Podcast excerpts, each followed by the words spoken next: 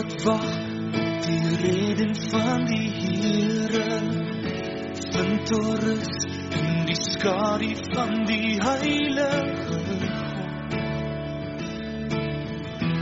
die almagtige ek sal sê die Here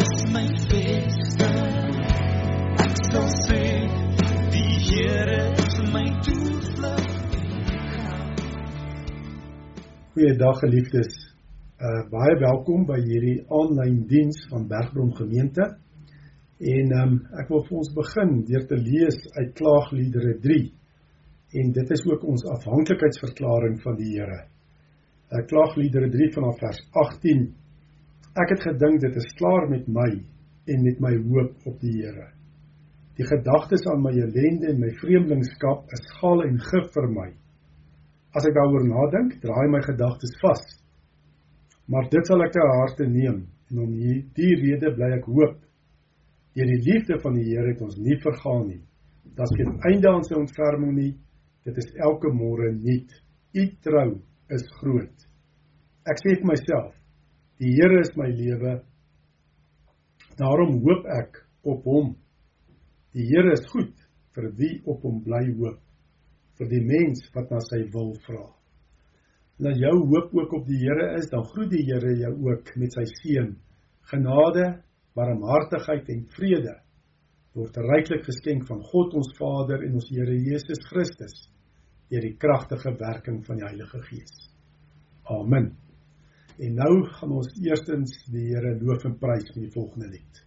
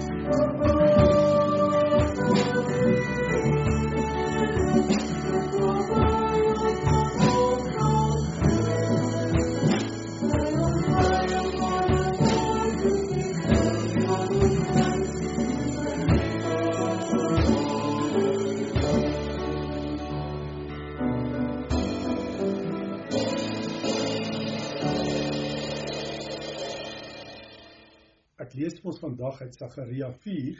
Nou laas Sondag het ons gekyk na Sagaria 3.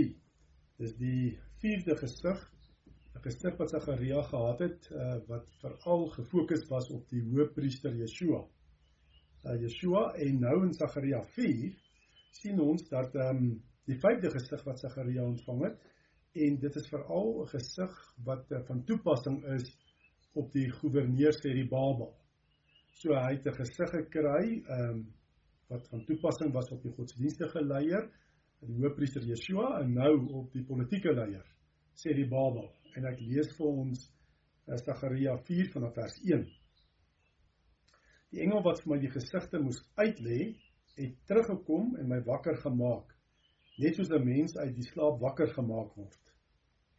Hy het my gevra, "Wat sien jy?" Maar hy het self voortgegaan.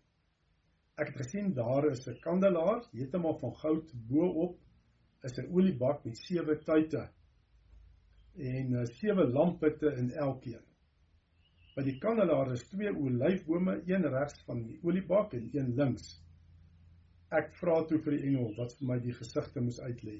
Wat beteken dit, meneer? En hy het geantwoord: Weet jy nie wat dit beteken nie? Ek het gesê, nee meneer. Toe sê hy vir my, hier is die boodskap van die Here aan Serubabel.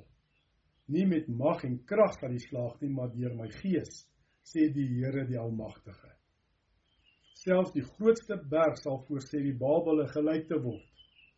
As Serubabel die laaste klip van die tempel op sy plek sit, sal die mense roep, mooi, mooi. Daarna kom die woord van die Here tot my, sê die Babel se hande het hierdie tempel se fondamente gelê, sy hande sal dit klaar bou. Dan sal julle weer, dan sal julle weet dat die Here die Almagtige my na julle toe gestuur het. Moenie dag van klein dingetjies gering ag nie. Die mense sal bly wees wanneer hulle sien sê die Babel gaan aan met die bouwerk.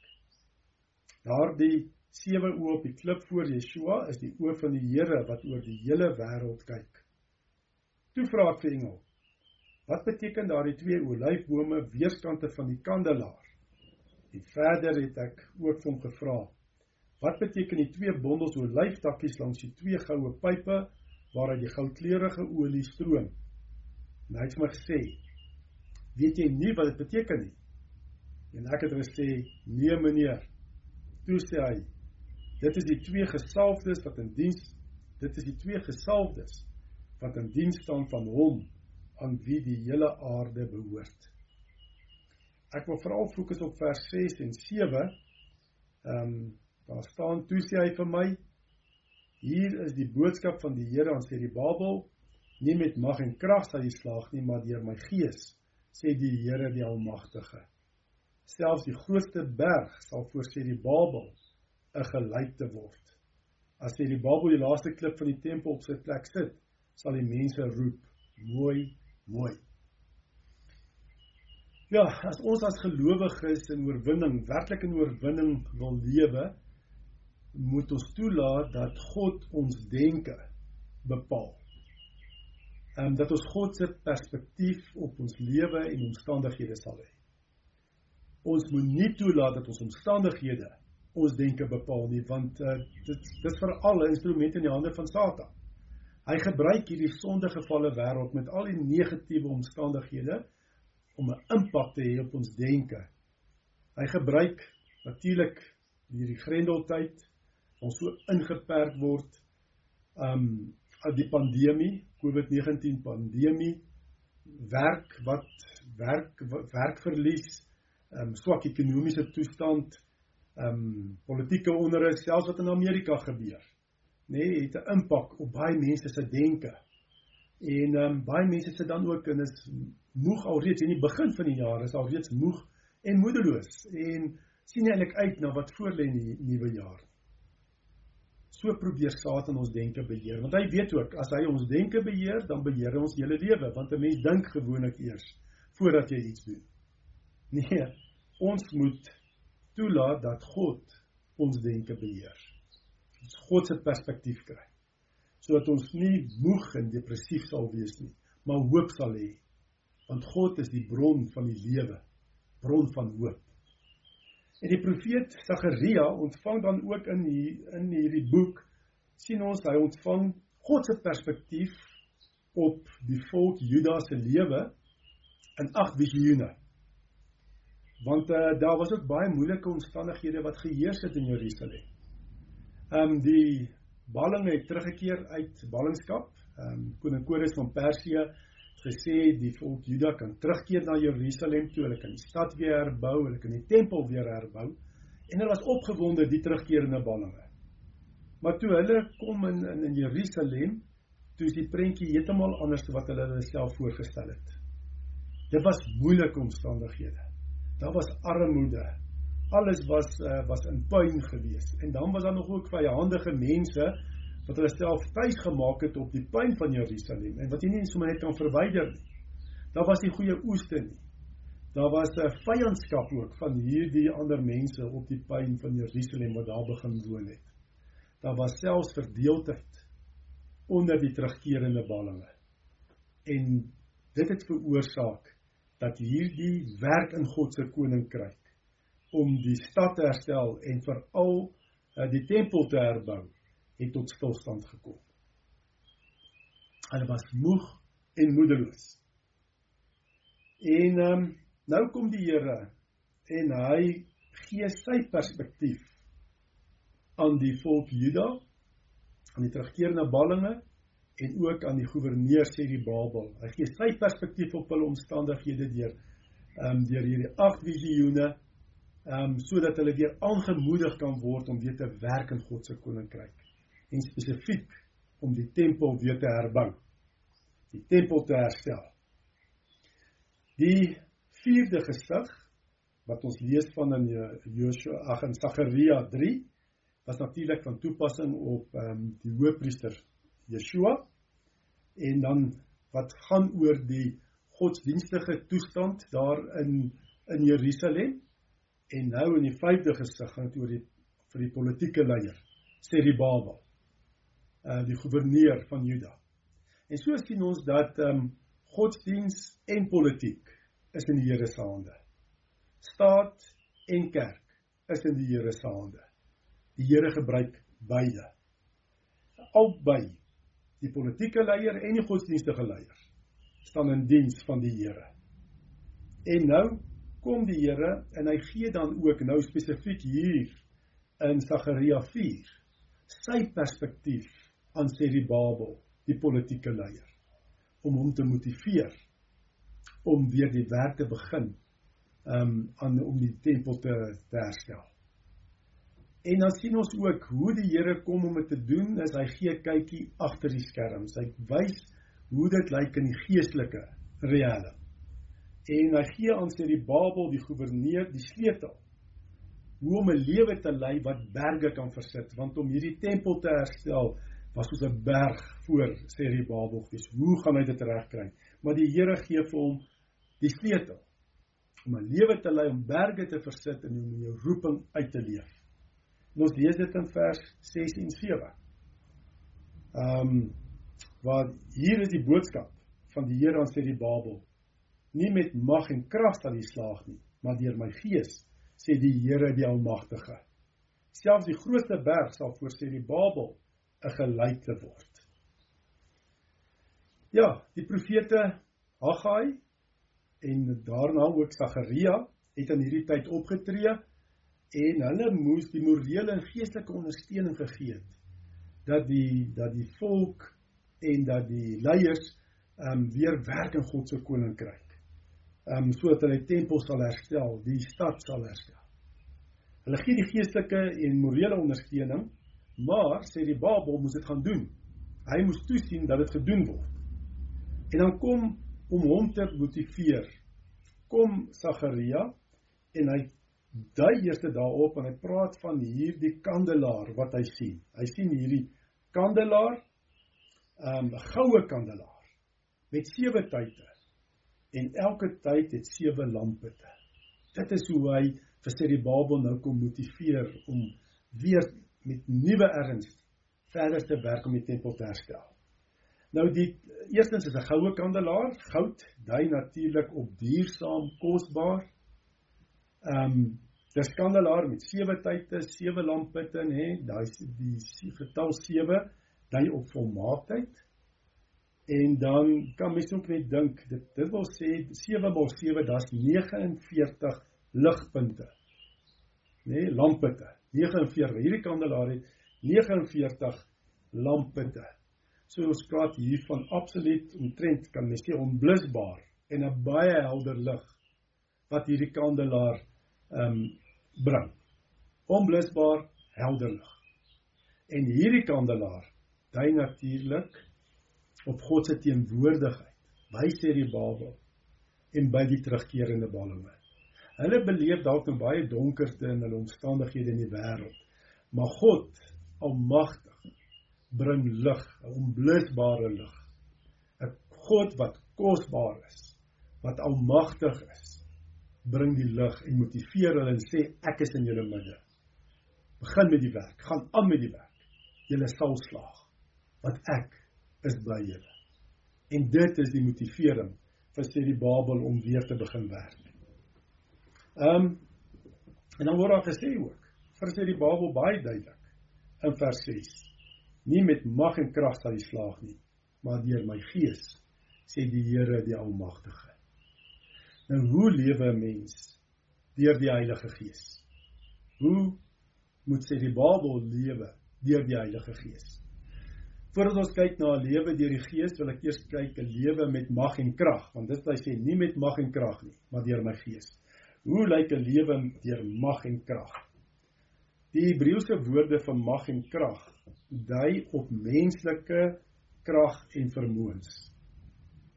Ehm um, ja, sê die Babel en die volk fokus op hierdie stadium toe Sagaria vir hulle hierdie profetiese woord gebring het, fokus hulle heeltyd op hulle eie menslike krag en vermoëns. En hulle besef net die opdrag, die werk in God se koninkryk is te groot. Met hulle eie menslike krag en vermoëns sal dit nie kan doen nie. Hulle dit is net te groot. Die taak, dis soos 'n berg om die tempel te herstel, die stad te herstel, die mure van Jerusalem te herstel is te groot. Dit is soos 'n berg voor hulle. Daar's te veel hindernisse. So mag en krag dui op jou eie menslike vermoëns waarop jy fokus en die berg is natuurlik al die hindernisse, probleme wat jy beleef om jou taak en roeping in God se koninkryk uit te leef. En natuurlik as jy kyk jy fokus op die berg, die hindernisse, die probleme en jy fokus op jou eie krag en vermoëns, dan word jy moedeloos en passief. En dis presies die situasie wat geheers het onder die terugkerende ballinge uh, daar in Jerusalem. Maar nou sê die Here, nee, moenie daarop fokus nie, maar fokus op my gees. Deur my gees sal jy slaag en sal ons slaag. En wat doen die Heilige Gees as jy lewe deur die Gees? As die Gees jou lei. Wat gebeur in jou lewe? Jy begin jou fokus afhaal op jou van jouself af en jou eie krag en vermoëns en van al die hindernisse en die Heilige Gees lei jou om te fokus op die goue kandelaar in jou midde. Op God se teenwoordigheid. Dis die Gees se werk. Hy laat ons fokus op God wat in ons midde is. Ehm um, as jy fokus op God, die goue kandelaar, onblusbare lig, helder lig, volmaak, nee dan ontvang jy 'n geloof wat berge kan versit. Dan skielik verander jou lewe en jy kry 'n nuwe entoesiasme. En jy weet ook maar ek sal slaag want dis God se roeping op my lewe dan kry jy geloof wat wonderwerke produseer. 'n Wonderwerkende geloof groei dan ook wanneer die Heilige Gees jou lei om op God se teenwoordigheid te fokus. Dis soos 'n sneeubal.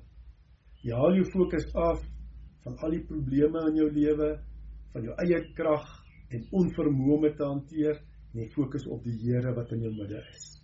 En dit bring nuwe entoesiasme, nuwe geloof in jou lewe en jy begin glo en jy begin in aksie kom, jy begin beweeg. En sodra jy dan ook beweeg, nê, nee, dan kom daar ook weer nuwe dinge wat jy sien wat gebeur, wonderwerke gebeur en dit bou weer jou geloof. Jy bly op die Here fokus. Daarom sê hy ook hier in um, vers 10, vers 10 hy sê ook vir Sagaria, ag Sagaria vir sê die Babel, hy sê moenie dag van klein dingetjies gering ag nie. Die mense sal bly wees wanneer hulle sien sê die Babel gaan aan met die bouwerk. Sodra jy op die Here begin fokus, net kan jy nie meer passief wees nie. Is jy nie meer moedeloos nie, maar begin jy klein treetjies van gehoorsaamheid gee. Nee, en dan begin dinge gebeur. Mense raak deel daarvan, hulle word bly want hier gebeur dinge in God se koninkryk. Want dan kan werk die Gees deur jou nê. En daar's 'n wonderwerkende geloof wat werk en daar gebeur wonderwerke in jou lewe wat ander mense aanspoor om saam met jou in God se koninkryk te werk want die goue kandelaar met sy 49 lamputte is in ons midde. Dis wonderlik. Ook Jesus het gepraat van gebede en geloof wat berge kan versit. Nee, wat van die grootste berg 'n gelykte kan maak, soos dit staan hierso in Sagaria 4 vers 7. Ons lees daarvan in Matteus 21 vers 21 en 22. Matteus 21 vanaf vers 21 staan daar Daarop antwoord Jesus hulle: Dit verseker ek julle. As julle geloof het en nie twyfel nie, sal julle ook doen wat ek doen. Meer nog, julle sal vir hierdie berg kan sê: Lig jou op en val in die see en dit sal gebeur. As julle glo, sal julle alles ontvang wat julle in die gebed vra. Ja, sodra jy op die Here fokus, sal jy ook gebede begin bid wat berge kan versit. Ons fokus ongelukkig talle kere in ons lewens. En dit is vanweë ons sintuie en dit wat ons sien en proe en ruik en hoor in die wêreld nie. Fokus ons gewoonlik op ons eie onvermoë om die berge wat ons moet versit te kan hanteer. Al die probleme in ons lewens. Dit voel vir ons net te goed. Ons um, fokus so baie keer dat kom ons vat byvoorbeeld as ek 'n voorbeeld kan vat, ons vat die die misdaad in ons land. Ehm um, en dan sien ons net ons lees die koerante, luister na die nuus en hoor net van plaasaanvalle, kapings, uh verkrachtings en al die dinge. En dan baie keer kry ons daai gevoel en ons fokus daarop en dit begin ons denke beheer. Ons dink is net 'n kwessie van tyd. Dan is ek ook die teiken van misdaad. Dis net 'n kwessie van tyd. En dan as ek so begin leef, dis net 'n kwessie van tyd, dan kom vrees in my lewe. En twyfel. En dan ook selfs as ek bid in my verhouding met die Here, kom die vrees in, die twyfel.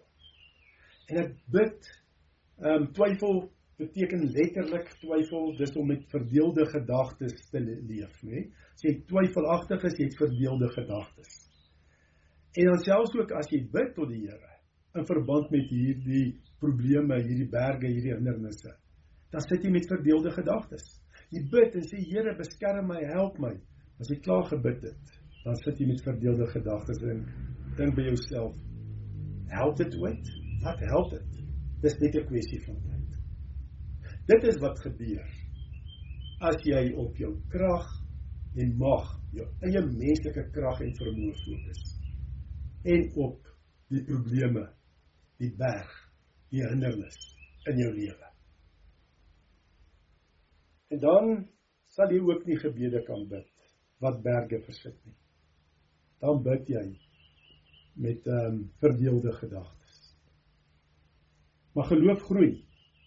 Jou geloof groei as jy jou deur die Heilige Gees laat lei en die Heilige Gees laat jou fokus op God se teenwoordigheid. God wat almagtig is. God wat vir my lief is. God wat alles gedoen het om my in 'n vader-kind verhouding met hom te plaas. God wat selfs in Jesus die weg gebaan het na hom. Jesus wat my sondes betaal het. Dat ek nou vrye toegang tot God se genade troon in die hemel het. Deur Jesus is ook die Heilige Gees uitgestort op Pinkster en kom woon hy in ons liggame. Ons is nou die tempels van God se Gees. God is by ons teenwoordig, die goue kandelaar met sy 49 lamputte is in ons lewens teenwoordig. Hy woon in ons. Ons is sy tempel. Met God in ons midde is niks onmoontlik nie. Sy het tot alles in staat. Deur hom wat vir my die krag En dis wat die Heilige Gees vir ons wil sê hier aan die begin van 2021. Fokus op God, die goue kandelaar in julle teenwoordigheid. En dan sal ons gebede bid wat werke kan versit. Sal ons ook 'n lewe lei wat van die grootste berge gelyk te maak. Dit het gebeur met Joshua en Caleb ook. Ons lees daarvan in Numeri 13 en 14 dat ehm um, ja die die volk Israel staan aan die kant van die beloofde land en hulle stuur 12 spioene in om die land te verken. En hierdie spioene kom terug en rapporteer en 10 van hulle sê ja die land is goed maar weet julle daar's versterkte stede daar's 'n reuse daar is goeie weermagte in die land. Ons sal nie die land kan verower nie. En dis net Joshua en Caleb wat nie fokus op die berg die hindernis nie Hulle rapporteer terug en hulle fokus op die Here en ons lees daarvan Numeri 14 vers 7 en 9. En kom ek lees vir ons Numeri 14 vers 7 en 9. Ehm um, waar Joshua en Caleb sê die land wat ons gaan verken het is 'n buitengewoon goeie land. As die Here ons goedgesind is, sal hy ons na hierdie land toe bring en dit aan ons gee, 'n land wat oorloop van melk en honing. Julle moet net nie teen die Here in opstand kom nie. Moet ook nie vir die mense van die land bang wees nie, want ons sal hulle maklik verslaan. Hulle gode sal hulle nie kan beskerm nie. Die Here is by ons. Moenie vir hulle bang wees nie. Joshua en Caleb sê die Here is by ons. En ons ook as kinders van die Here sê die Here is by ons. Hy is by ons. En daarom kan ons vorentoe gaan.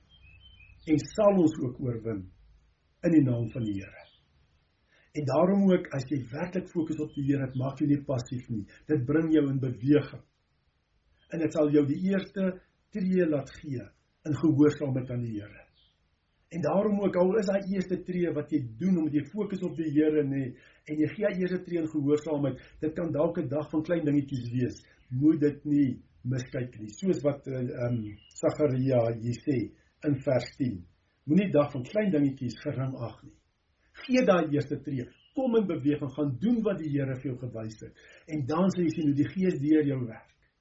Met jou magtige God van die grootste hindernis voor jou 'n gelyk te maak wees gehoorsaam aan die Here.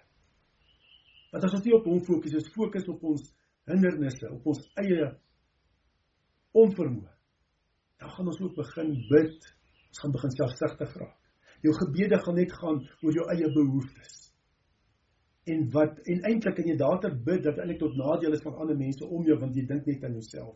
Maar as jy op die Here fokus nê, op wie hy is, sy kenmerke nê, sal jy jou gebede ook al hoe meer en meer wees volgens God se natuur, volgens sy wil, volgens sy kenmerke. En jy sal begin gebede bid volgens sy wil. En God verhoor gebede volgens sy wil. Fokus op die Here sal jou hart verander en jou gebede verander. Dit sal wees jou gebede volgens God se natuur en volgens sy wil en dan sal God dit verhoor. Ons het so beleef laas jaar met die Grendeltyd op 'n stadium vlak 5 Grendeltyd. En mense het gedink, hoe gaan 'n kerk kan funksioneer? Wat gaan gebeur met die gemeente? Maar God was by ons in 2020. Die Here wat ek beleef het laas jaar in Bergbron gemeente is dat God maak so daar staan in Jesaja 43. God maak 'n pad waar nie 'n pad is nie. Hy laat riviere ontspring in woestyn in die woestyn waar dit droog is. Nee, so dat ons nou eintlik so sien op sosiale media wat in Namibië gebeur. Vir die Here is niks onmoontlik nie. En so het die Here ook die gemeente gedra laas jaar deur al die dinge wat ons moes hanteer, al die grendeltye, verskillende vlakke, was ingeperk is. Ons kon beleef ook met die bedieninge vanuit die gemeente dat dit nog steeds voortgegaan het. Ons het aanpassings gemaak, die Here het vir ons meer meer kreatiewe maniere gegee. Baie van die kursusse wat ons aangebied het, het ons uh, begin meer aanlyn doen en dit het was op die einde voel ons dit gaan ook so voortgaan ook al was daar geen grendeltyd nie om ook baie dinge aanlyn te doen. Dis baie meer koste en tyd effektief. En ons kon aangaan, ons het 'n klompie kursusse nog steeds aangebied. Mense se lewens, die getuienis het teruggekom, mense se lewens het verander, huwelike het verander. Ons kon einde laas jaar kon ons 'n dank en um, lofprysingsdiens hou, ook met 'n bediening in Warmbad, 'n gemeente in Warmbad en 'n uitreikbediening daar in Warmbad. Ons kon dit so aanlyn saam met hulle gedoen het in ons erediens. Ons het kon ons het nog steeds 'n wonderlike sosiaal saam verkeer, ons potjie kos waarmee die jaar afgesluit het. Die Kersangdiens was my hoogtepunt. Was wonderlik geweest. Die mense het absoluut die seën en salwing van die Here ervaar met die Kersangdiens. Die Here het ons nuwe maniere gewys. Hy het ons gedra. En ook hier aan die begin van 2021 sien ek uit dat God is in ons midde die goue kandelaar met 49 lampitte. Helder lig. En hoe donkerder dit in die wêreld is, hoe helderder skyn die evangelie. En die Here wil ons gebruik. En hy maak nuwe paaie vir ons oop. Hy gee ons kreatiewe maniere om aan te gaan uh, in die bediening en om te funksioneer as 'n gemeente. Baie mense ook het ek beleef ook hierdie moeilike omstandighede is die Here hulle terugroep en sê fokus weer op my. Moenie fokus op jou eie krag en vermoë nie. Dit kan nie jy kan nie veel bereik daardeur nie. Elke mens staan gewoonlik in die skaduwee van ten minste een berg. Moenie gewoon so gewoond raak aan die donkerte dat jy dink dit is maar hoe dit moet wees nie. Moet ook nie verder vir die Here jou berg beskryf nie. Hy weet wat is die hindernis, hy weet wat die probleem in jou lewe is. Hy weet wat die berg is. Kan dalk selfs ook dit is baie ernstige dinge, gesondheid wees, 'n karakterfout. Dit kan wees 'n werksverlies.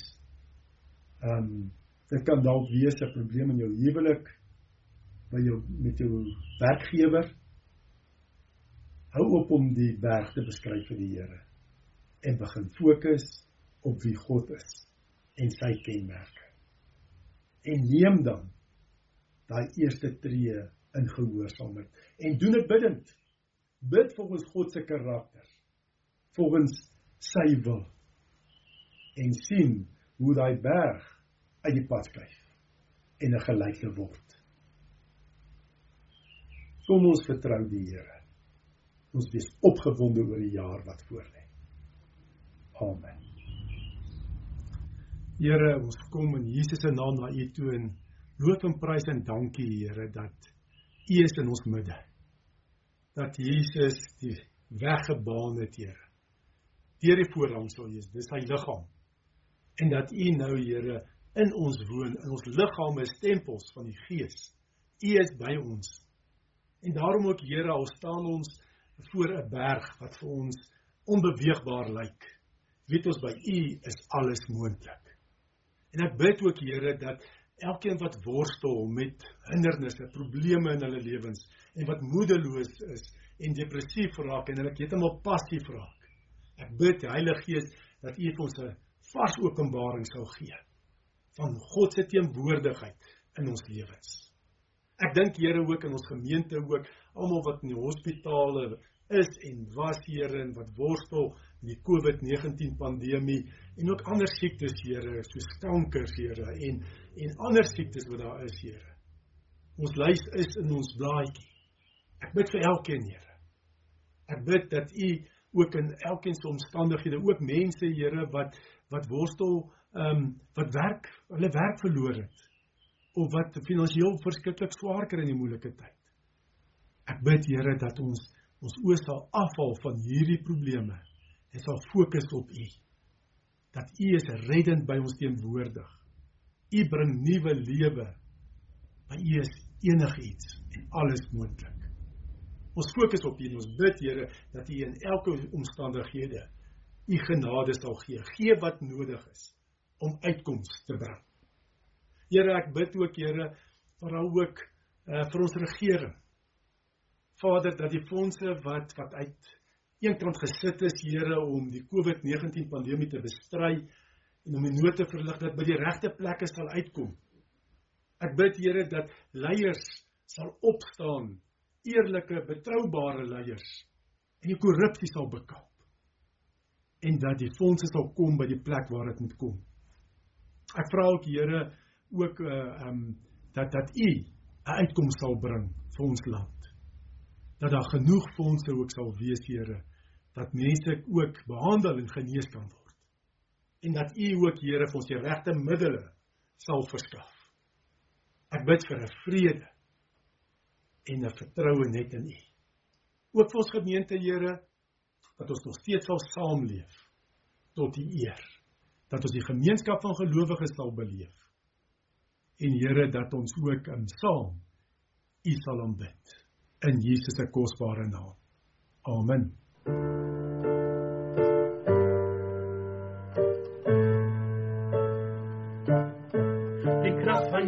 Jesus is wondergroot. Mens word die Here het gesterf vir ons die seun van God, verlosser Heer. Hy het ons sonde vrygekoop. Loof die koninklike kind. Vreugde olie in die plek van rouw. My hart en siel en denken is van liefde.